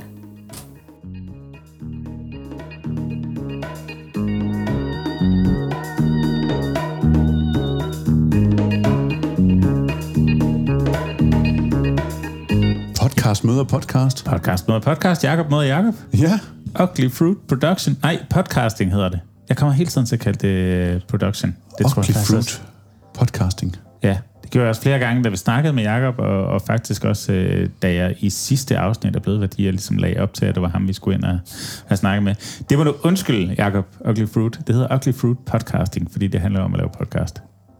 Så Ja. langt, så godt. Men vi havde ham op i øh, vores eget lille podcaster.dk-studie og, og til en god snak omkring øh, ja, podcast med podcast på. Ja, det er at skabe sin egen virksomhed. Ja. Øh, og, og, og hvad det medfører af, af, af skæg og blade, havde jeg nær sagt. Øh, men det, jeg synes, det var en fed snak. Øh, og nogle fede overvejelser, og fedt at komme fra noget helt andet, og så kaste sig ud i at sige podcast. Det, øh, det er sgu det, jeg gerne vil arbejde med. Øh, vi kommer jo lidt fra, fra kommunikationssted øh, i forvejen, så, så der er det lidt mere naturligt skridt at tage, men, men Jacob kom jo sådan direkte ud af, at der var jo både noget, øh, noget fastfoodkæder og noget byggemarked, så vidt jeg husker, at han havde været i før, før han kastede sig ud i podcasting. Så øh, alt den gode medvind, han overhovedet har brug for herfra. Og jeg glæder mig så meget til at se, hvordan vi kommer til at samarbejde i fremtiden med, med, med, med, med ham placeret geografisk i det nordjyske og også her i det midtjyske. Og, ja. Ja, fordi jeg tror ikke, altså vi kan sagtens være offentlige om, at vi har jo også lidt ønsker om, at øh, os her i det jyske, øh, der laver podcast, jo måske godt kunne arbejde lidt tættere sammen, og, øh, og i det hele taget prøve at få et netværk op at stå både mellem folk, der podcaster, og folk, der producerer osv., så, så man kunne trække på hinandens kræfter og hjælpe hinanden, når der var behov for det. Det tror jeg, vi gør os alle sammen stærkere. Det er sjovt, du siger det, Jakob, fordi noget af det, vi har ild i for tiden, det er ja. jo øh, Aarhus Festuge, som har rækket ud til os for at se, om vi øh, kunne hjælpe dem med at skabe noget øh, podcast-indhold til deres øh, podcast-scene Kuplen op i Byparken her, ja. når festugen løber af staben øh, 2021. Mm. Som er slut august, den første uge i september. Ja. Og hvor vi et eller andet sted kommer til at være øh, afsender, altså podcaster.dk kommer til at være afsender på øh, indhold, der kommer til at være på scenen deroppe. Så lige nu der sidder vi med Excel-ark og timeslot, der skal fyldes ud af dygtige mennesker, der skal hjælpe os med at, at, at, at brede podcast ud til øh, alle dem, der gæster festugen i Byparken. Ja, det, det bliver mega fedt. Altså, jeg, jeg synes, vi har været enormt ambitiøse med det, vi gerne vil med det, og det er jo virkelig at præsentere mange sider af, hvad podcasting kan. Så vi kommer både til at snakke uh, communities, der opstår og bliver øh, holdt ved lige ved podcast. Vi kommer til at snakke børnepodcast. Vi kommer til at uh, kuratere, så vi kan præsentere dig for de nye yndlingspodcast. Og så noget af det, jeg synes er spændende. Er det køkkenet? The Podcast Kitchen. Nej, det er en arbejdstitel, ikke? Ja, men alligevel er der jo et eller andet, altså jeg tror, vi bruger den lidt, fordi vi tænker tv-køkken hele Ja. tiden, og hvor tingene måske er sådan lidt forberedte. Så tænker vi, jamen vi kan jo sagtens lave det her podcast-køkken, hvor vi øh, giver dig som lytter mulighed for at komme ind og opleve, hvordan tilblivelsen af en øh, podcast helt fra øh, grafikken og idéudvikling og sparring og jingleproduktion, så øh, når vi øh, laver et, et, et, et øh, kald ud til øh, den gode Henrik Palke Møller, jamen så er vores ambition egentlig, at han skal sidde live i og på scenen øh, og, og være med til at, at komponere musikken af denne her lydende podcast i øh, festugen. Lige præcis. Henrik, når du hører det her, så øh, kommer der et opkald. men, men jamen, også øh, inddrage publikum i hele processen, tænker jeg, til at få, øh, få de rigtige spørgsmål valgt til vores gæst og så videre. Ikke? Altså, så, du, så du simpelthen er med til at være med til at skabe en podcast live på scenen med alt, hvad det indebærer, og så kan du faktisk gå hjem og hente den bagefter. Ja, så vi kommer til at tage dig i hånden, og øh, du kan se, hvordan vi bruger det til hosting, og forhåbentlig så har vi vores grafikere til at sidde og, og, og lave hele artworket og, og, og lægge det op i feedet, så man kan finde den og se den og genkendeligheden i det, og se, hvor agilt, nemt og hurtigt man kan implementere og, øh, og embedde RSS-feedet fra øh, sådan en, en podcast, så man kan distribuere den ud selv. Altså, så det bliver virkelig taget i hånden, og sådan laver du din podcast men også øh, kom og hør din nye, øh, som du ikke vidste fandtes, yndlingspodcast. Så det bliver en, en, et, et, et fedt og bredt program hele ugen i Aarhus Festuge, som podcaster.dk kommer til at kuratere og hjælpe med at få i luften. Ja, for fanden. Så har vi også været smut i Silkeborg. Ja. Øh, I teateret faktisk. Vi kombinerede lige en øh, skæg og ballade firmaudflugt øh, med en tur i teateret i Silkeborg. Et lille, hyggeligt teater, der hedder Magistraten, som ligger inde i den bagerste baggård, du nærmest kan finde deroppe. Øh, og hvor der er store, lysende øh, gule bogstaver i vinduet, hvor der står TIS. Øh, ja, ja, Tommy, den, den, det, er ret godt fundet på. Men altså, det er nemlig... Øh, Teateret i Silkeborg, ja. Ja, lige præcis. Det var det, han mente, der skulle stå. Der står TIS. Øh, men, men, men, men Tommy, som både er teaterdirektør dernede, han er så også skuespiller på scenen i en forestilling, der hedder Alle de andre, som handler om alle de andre, ikke så kendte personer, øh, end ham der Drevsen, der byggede en papirfabrik i Silkeborg. Alle dem, der var med til at skabe den her by og give den alle dens fede, fede fortællinger. Og det har han så lavet en, øh, egentlig oprindelig en vandreforestilling over, og det er så siden, da, da Tommy gik hen og, og lavede kluder i sit ben, blevet til en forestilling, der er rykket ind i teatersalen. Og nu skal den videre. Nu skal den nemlig også blive til lyd. Så, øh, så noget af det, vi har gang i, det er, at øh, en af de nærmeste dage, der går Tommy simpelthen i podcaster.dk-studiet øh, med øh, vores gode lydpedal Dennis ved, øh, ved knapperne, og så øh, indtaler han de her fortællinger om alle de andre som lyd, og, øh, og der bliver så skabt et, et auditivt univers omkring den, og, og de kommer til at ligge på en, øh, en hjemmeside, alle de andre.dk, Yes. hvor man så simpelthen kan gå ind og både læse lidt, man kan se lidt videoer, men du kan så også høre de her historier enkeltvis, og de kan bruges i blandt andet undervisningssammenhænge. Øh, og ideen er så også, at øh, måske øh, flytte lidt med andre byer, som kunne forestille sig at gå ind i, øh, hvad er det for nogle mennesker og historier, der var med til at skabe lige præcis deres by, eller deres virksomhed, eller den kan i virkeligheden bredes ud på mange platforme, den her, ikke? Men, øh, men jeg glæder mig rigtig meget til det samarbejde, og til at få skabt nogle, nogle fortællinger, som kan øh, glæde og inspirere. Ja, det bliver spændende, altså, fordi det bliver jo hele pakken, vi kommer til at lave, både med, med hjemmeside og indhold og lyd og hele lyduniverset. Når man hører øh, hestene øh, hen over brostenene, jamen, så er der også en forventning om, at vi kan høre dem i lydkulissen af, af de her, øh, jeg tror det var ni øh, afsnit, der skal laves. Ja, lige præcis i første omgang, og det er jo, det er jo et projekt, som har potentiale til at vokse større hen ad vejen. Ja. Så øh, det bliver mega fedt, og igen, hurra for at være en lille, agil øh, virksomhed, der kan rykke sig i mange retninger, så man både kan levere hjemmesiden og lydproduktionen og øh, soundscaping og tekst til hjemmesiden, og ja, det, er- det, det er sgu ret fedt at kunne, kunne dække hele, hele det behov, som Tommy der står med. Ja. Fedt. Jamen, øh, lad os lige smide en jingle på, og så høre lidt anbefalinger til sommerferien.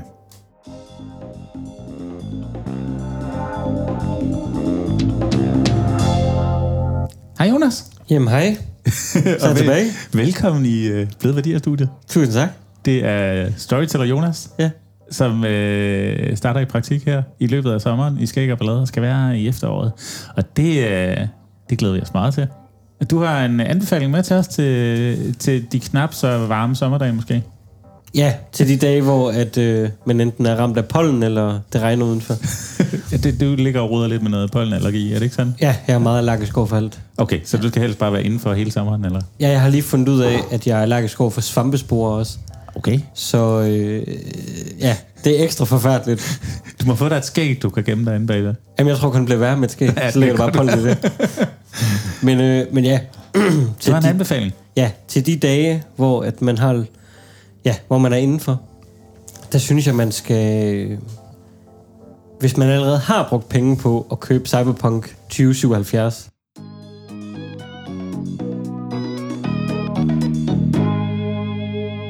test of a person's true value. Death. Facing, staring it down. Johnny, I got you.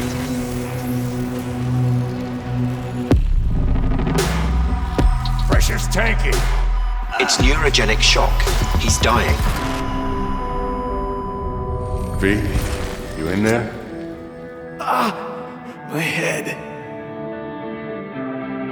So what now? Now, you find out what it is you need to do. A thing of beauty, I know.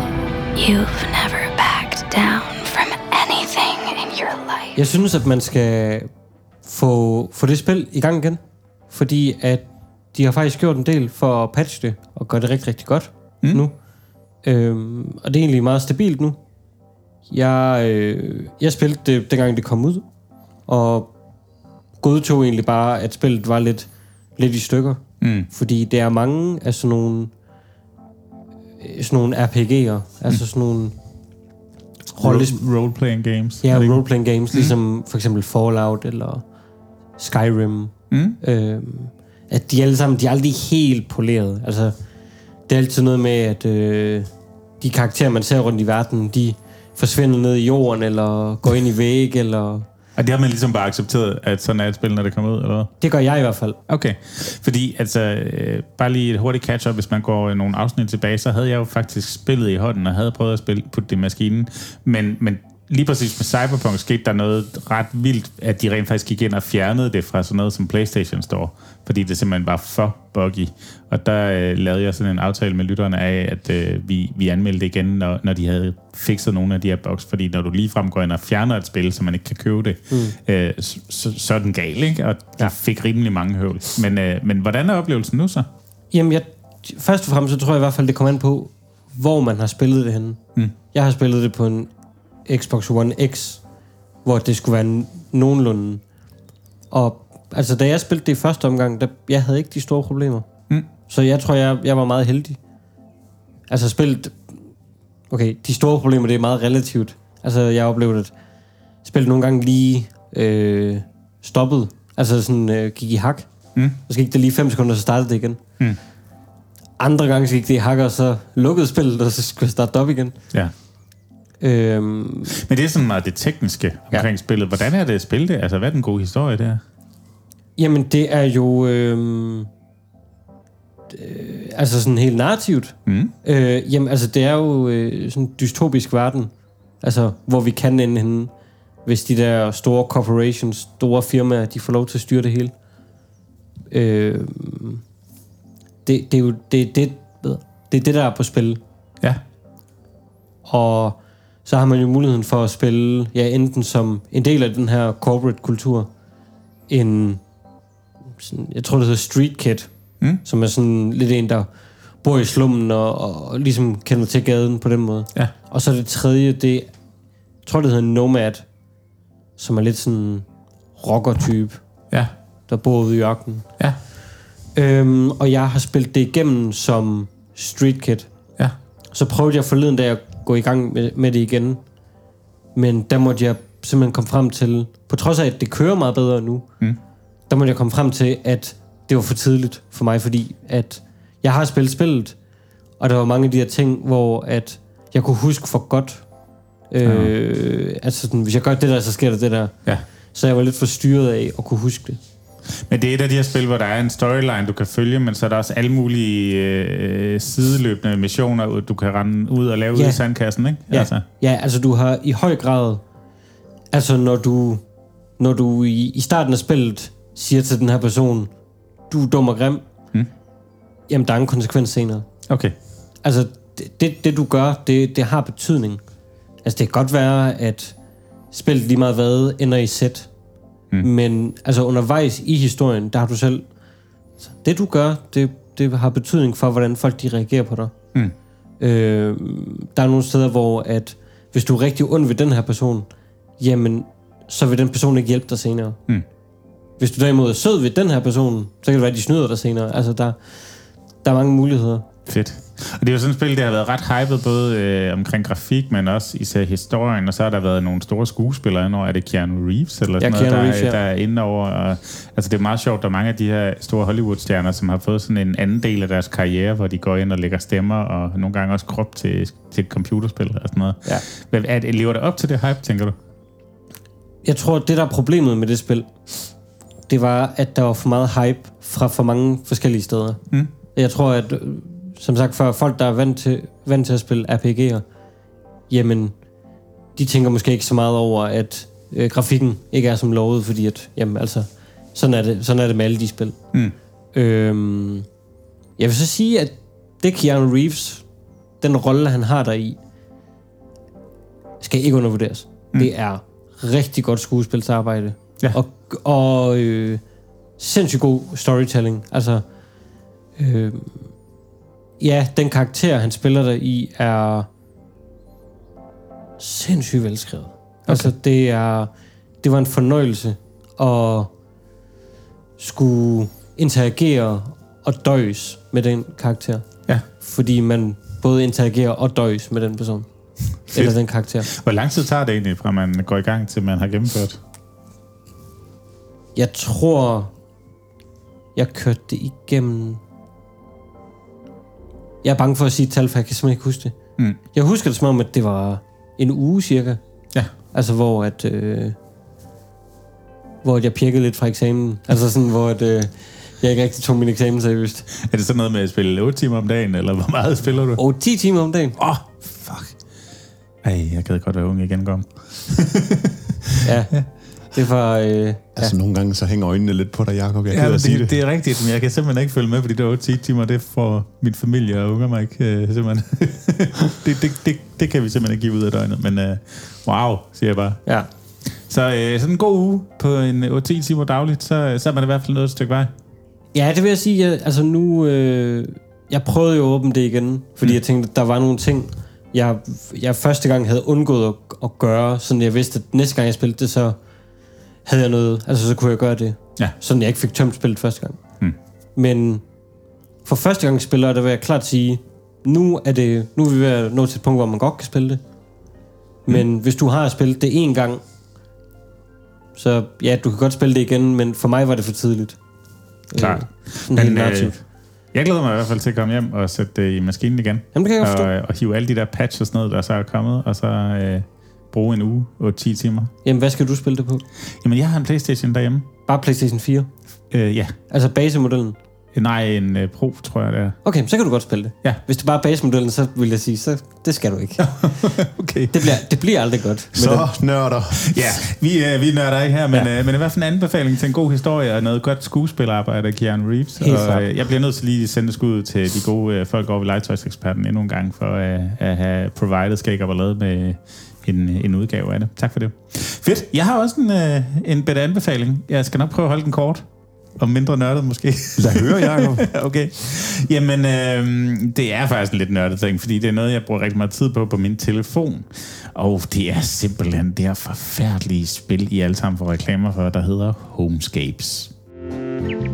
Welcome to a house with a rich history. Meet Austin the butler and his lovely parents and help them renovate their family mansion.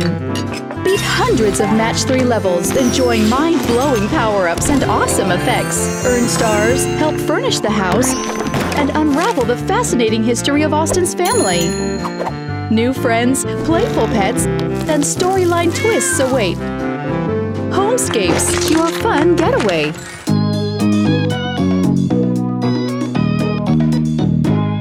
Yes, jamen, øhm, vi har at gøre med et et, et, et ret basalt øh, sådan Candy Crush-agtigt spil. Øh, hvis nogen kan huske Tetris fra de helt gamle dage. Du laver en linje, og så ryger, der, øh, så ryger den, og så kommer der noget nyt frem, og så videre. Og på et tidspunkt, så har du gennemført banen, og så går du videre til næste level. level. Jeg er så stor en idiot, at jeg nu er på level 520. Wow. Det er 520 baner, jeg har spillet igennem, og de er ikke alle sammen lige nemt, skulle jeg hilse at sige. Så nogle af dem går der altså også i hvert fald nogle dage med at komme igennem. Øhm, og så er der jo, der er jo, der er jo bomber, og der er, øh, så er det tekanner, og så er det jo øh, citroner, og så er det alt muligt, du skal... Og så kommer der sne og bobler ind, som kræver ekstra øh, snille at komme udenom, og så videre. Øh, ja, Men, men basically det samme spil, du spiller igen og igen. Det, der så er lidt sjovt ved det her, det er, at det hedder jo Homescapes, og det er jo fordi, at der er en sidehistorie med sådan en gut, måske hedder han Arthur, det bilder jeg mig ind, som, øh, som skal restaurere et stort gammelt hus, hvor hans forældre bor. Og, øh, og så, så kommer han simpelthen det her hus igennem et rum ad gangen, et møbel ad gangen, et billede på væggen, et gulvtæppe ad gangen. Og for hver gang du skal skifte et eller andet, give katten mad, eller hvad pokker det nu er, så skal du gennemføre en bane. Og den der øh, storytelling-motor, der ligger i, men vi vil jo gerne se, hvad der er inde i køkkenet. Hvordan får Arthur, altså hvilken ovn vælger Arthur? Og du har altid tre valgmuligheder, om det skal være den grønne, blå eller røde ovn.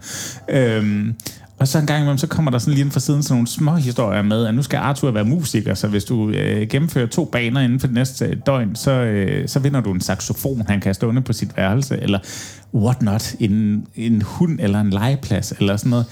Og det, det er bygger bygget op om den her tåbelige, tåbelige fortælling, som bare er sådan noget gamifikation, der får en til at sidde og, øh, og, og lave rækker med, med citroner og tekander i et væk. Du, du ser helt vanvittig ud i øjnene. Om. Fuldstændig, Jacob. er det noget, der koster penge? Nej, ikke, øh, ikke i basisversionen. Får du penge for at spille det? Ja, burde- det, det vil jeg nemlig det- også gerne høre, om, om, om der er noget gemt reklame her, vi ikke har Der hørt er om. masser af reklame, og der er også masser af muligheder for at bruge penge, hvis man vil. Ikke? Ja. Altså, øh, jeg, jeg får ikke penge for at sidde og sige det her, men, men altså, hvis du øh, vil gøre et eller andet, hvis du vil købe lidt ekstra bomber, så det bliver nemmere at springe tekanderne i luften, så koster det lige 45 kroner. Ikke? Jeg har ikke brugt en klink endnu, på det skal det hele så siges, men jeg har været meget tilbøjelig til at sige, nu har jeg spillet den her fucking bane i otte dage. Nu vil jeg gerne videre. Nu vil jeg gerne se, hvad der er inde på den anden side af den dør. Øh, øh, men jeg har endnu ikke gjort det. Jeg kommer ikke til det, har jeg lovet mig selv. Ej, dreng, jeg kan godt høre, der er en hel verden, jeg slet ikke har dykket ned i, hverken med Playstation, eller spil, eller på mobil. Der må eller du aldrig gå hen, Simba. Altså, Nej, det skal jeg sgu nok lade være med. Altså, Farlig tidsrøver. Det vildeste, jeg kan komme med anbefaling, det er, at jeg lige har købt øh, to nye haveredskaber. Nej. Ja. Hvad er det for nogen? Og hvad er, hvad er storytelling? Jamen, øh, jeg tror bare, at øh, godt arbejde er det halve, eller godt værktøj er det halve arbejde gjort. Altså, Ja. Så det, det er bare sådan, nu jeg sad lige og tænkte sådan, at, at det der med at helt meditativt, jeg har ikke fået brugt dem endnu, fordi så kunne jeg komme med en anbefaling på en podcast. Det er en øh, manuel hæksaks. Ja. Med udveksling og en øh, rosen øh, saks, øh, som er sindssygt skarp. Ja. Men bare det her med at, at gå og forme sine øh, træer, så at øh, de giver endnu bedre frugt næste år, og man derved kan få flere og bedre æbler. Altså det, det synes jeg, det er, det er for mig rigtig godt. Så jeg har både med teleskop og ja, sådan som Det er jo kan... det samme, jeg gør bare inde i spillet. Og der er faktisk, ja, der er faktisk en version der, der hedder Gardenscapes, hvor du kan gå i haven, for det ikke skal være løgn. Men, men hvor er det sjovt? Det er jo nøjagtigt de samme mekanikker. Jamen det var det, jeg sad og, og, og tænkte en til en, fordi jeg går jo også og, og hakker alle de her øh, skud, der, der, der sprutter i vejret på sådan et æbletræ, og får dem ned, så, så jeg får bedre udbytte af mine øh, frugttræer. Men du sad vel ikke fast i det samme niveau i 8 dage? Nej, men det gør jeg jo år efter år, kan jeg jo se, fordi at, øh, nu har jeg jo øh, haft æbletræer de sidste 20 år efterhånden, og, og, og tænker, at de skal jo passe og pleje, så det er også derfor, de står så skarpt.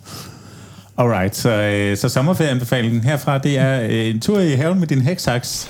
Øh, lad være med at glo ned i din telefon, og så ellers gå ind og spille lidt Cyberpunk på din øh, konsol. derhjemme. Ja. Det er en perfekt sommerferie.